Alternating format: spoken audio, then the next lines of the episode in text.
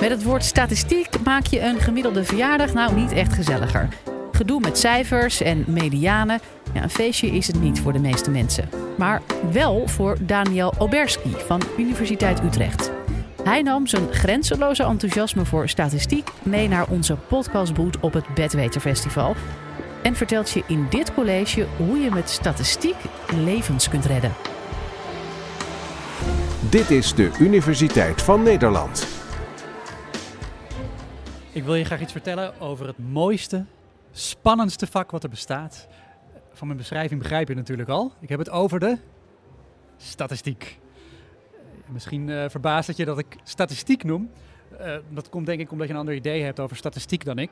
Want bij statistiek denken veel mensen aan gemiddeldes. Uh, dingen zoals woningen stoten in 2007 17% minder CO2 uit dan in 1990. Of in 2015 verdiende 49% van dertigers meer dan hun ouders.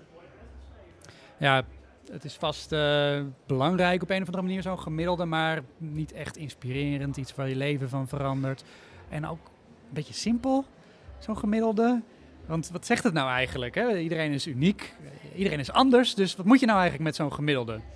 Ik heb bijvoorbeeld ook die mop van die man die verdronk in een slootje dat gemiddeld maar een halve meter diep was. Ja, of de, het cliché wat ik altijd weer hoor op feestjes. There are lies, damned lies and statistics.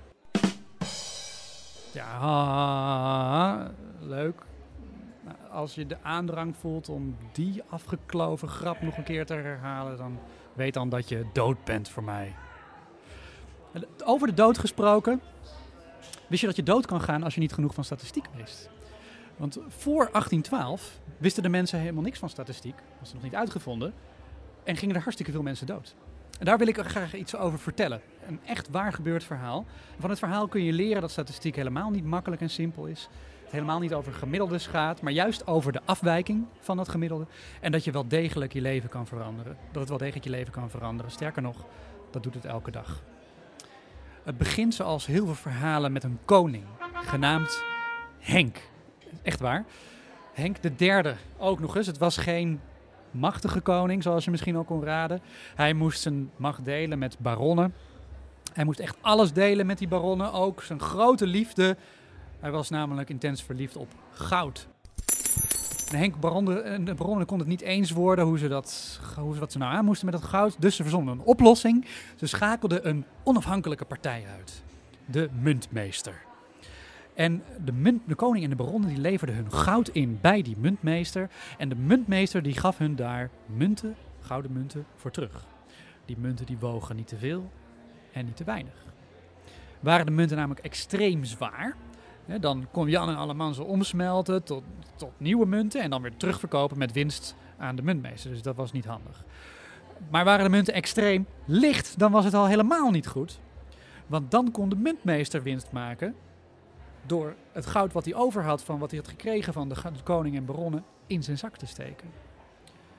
Dus om te checken dat de meester zijn, goed, zijn werk goed deed, is daarom in Engeland, ik zei al dat een waar gebeurd verhaal, van 1248 tot maar liefst 1870, dus 622 jaar lang, ongeveer één keer per jaar een speciale rechtszaak gehouden. De zogenoemde Trial of the Pix. En Pix is gewoon Grieks voor doos. Elke dag stopte de meester een paar munten in die pix, in die doos. En dan waren er op de trial bijvoorbeeld 100 munten in de doos. En die 100 munten werden samen gewogen. Dus stel elke munt moet 10 eh, gram wegen, dan moet die totale gewicht van een doos met 100 munten dus 1000 gram zijn. Nou, zover waren ze in die tijd dan wel. Die munten die mochten niet extreem licht en niet extreem zwaar zijn. Waren ze te zwaar, dan was de muntmeester gewoon een dief van zijn eigen portemonnee. Daar werden verder geen consequenties aan verbonden. Maar als de munten te licht waren, dan was de muntmeester in feite aan het stelen van de koning. En stelen van de koning, daar staat de welbekende straf op. Handje eraf.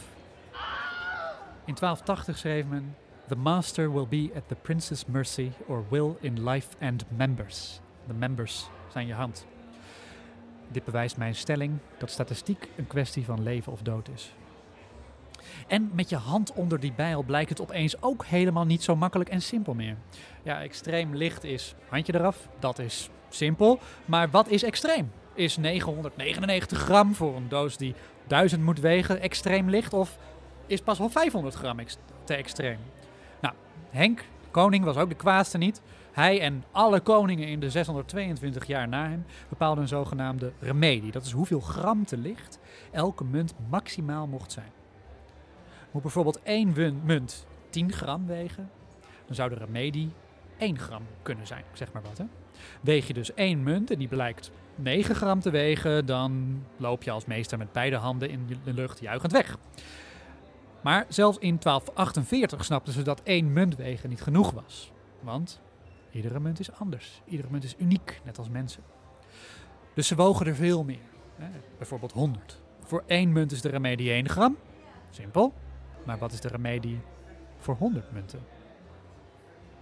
Nou, net als sommige van mijn feestgangers met die flauwe grappen, vonden Henk en de bronnen statistiek ook maar stom en simpel. Dus ze kwamen met een stomme en simpele oplossing voor het begrip extreem. Met 100 munten is de remedie gewoon 100 keer de remedie voor één munt. Dus 100 keer maal 1 gram is 100 gram. Simpel toch? Met andere woorden, als we een pix met 100 munten wegen, die elk 10 gram moeten wegen, met een remedie van 1 gram per munt, dan loop je met al je ledematen schouderkloppend naar het banket, zolang het totale gewicht maar boven de 900 gram is. Nou, mijn eigen voorvader, Hessel Slijper, die was in de 18e eeuw muntmeester niet van Londen, maar van een andere wereldstad, Enkhuizen. En verplaats je nou eens in Hessel.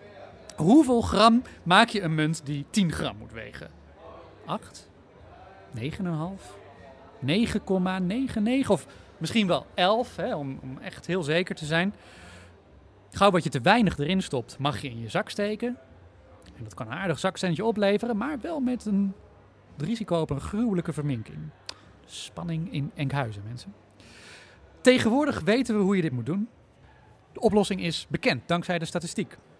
Een remedie van n, waarbij n het aantal munten is, dus bijvoorbeeld 100, is totaal belachelijk. Het is vrijwel onmogelijk dat de muntmeester iets kan gebeuren. Sterker nog, als de muntmeester munten maakt die 70% te licht zijn, dan wordt het maar 1 op de 1000 gevallen als extreem gezien.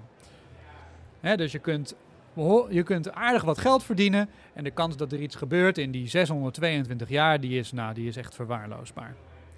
Voor de liefhebbers onder u, de remedie moet worden gekozen niet als n, maar weten we tegenwoordig als de wortel van n. Dus niet 900, maar 990 had de eh, afbreekpunt moeten zijn. Nou ja, aan de andere kant, ja, dit weten we natuurlijk pas dankzij de statistiek. Sinds het einde van de 19e eeuw. En gedurende de twee- 622 jaar dat de Trial of the Pix zo dom uitgevoerd werd, konden die arme mensen, in tegenstelling tot die luisteraars, dit ook niet beter weten. Niet de koning, niet de baronnen en niet de muntmeesters. Behalve misschien één uitzonderlijke muntmeester. Want ongeveer 100 jaar voordat mijn bedovergrootvader muntmeester werd in Enkhuizen en voordat de statistiek goed werd ontwikkeld in Parijs, werd in Londen een uitzonderlijk wetenschapper benoemd tot muntmeester. Isaac Newton. Newton was niet alleen een briljant wiskundige toen hij benoemd werd, maar hij was ook op dat moment volkomen blut. Geen cent te makken. En bij zijn overlijden liet hij een vorstelijk fortuin van 30.000 pond na. Dat was in die tijd echt gigantisch veel geld. Op basis van zijn laatste boek denken we daarbij ook nog eens dat Newton de wortel en regel wel begreep in tegenstelling tot zijn tijd, tijdgenoten. Maar goed, dat, dat Newton zijn fortuin te danken zou hebben aan de wortel n, dat, daar is natuurlijk geen enkel bewijs voor. Dat De Trial of the Pix is een goede les voor iedereen die denkt dat statistiek saai, simpel en onbelangrijk is. En ik overdrijf niet als ik zeg dat de lessen die statistici hebben getrokken uit dit soort problemen, tegenwoordig zouden we het procescontrole noemen, ten grondslag liggen aan ons welvaart en ons welzijn. Door het gewicht van de pix maar te vergelijken met de kwaliteit van je eten, de beslissing om medische zorg te verlenen of, ook niet onbelangrijk, de hoogte van onze dijken. Kortom, statistiek gaat niet over gemiddeldes, maar juist over de afwijking daarvan. Statistiek kan levens redden of dodelijk zijn. Het is moeilijk, spannend, verraderlijk, in één woord, fascinerend.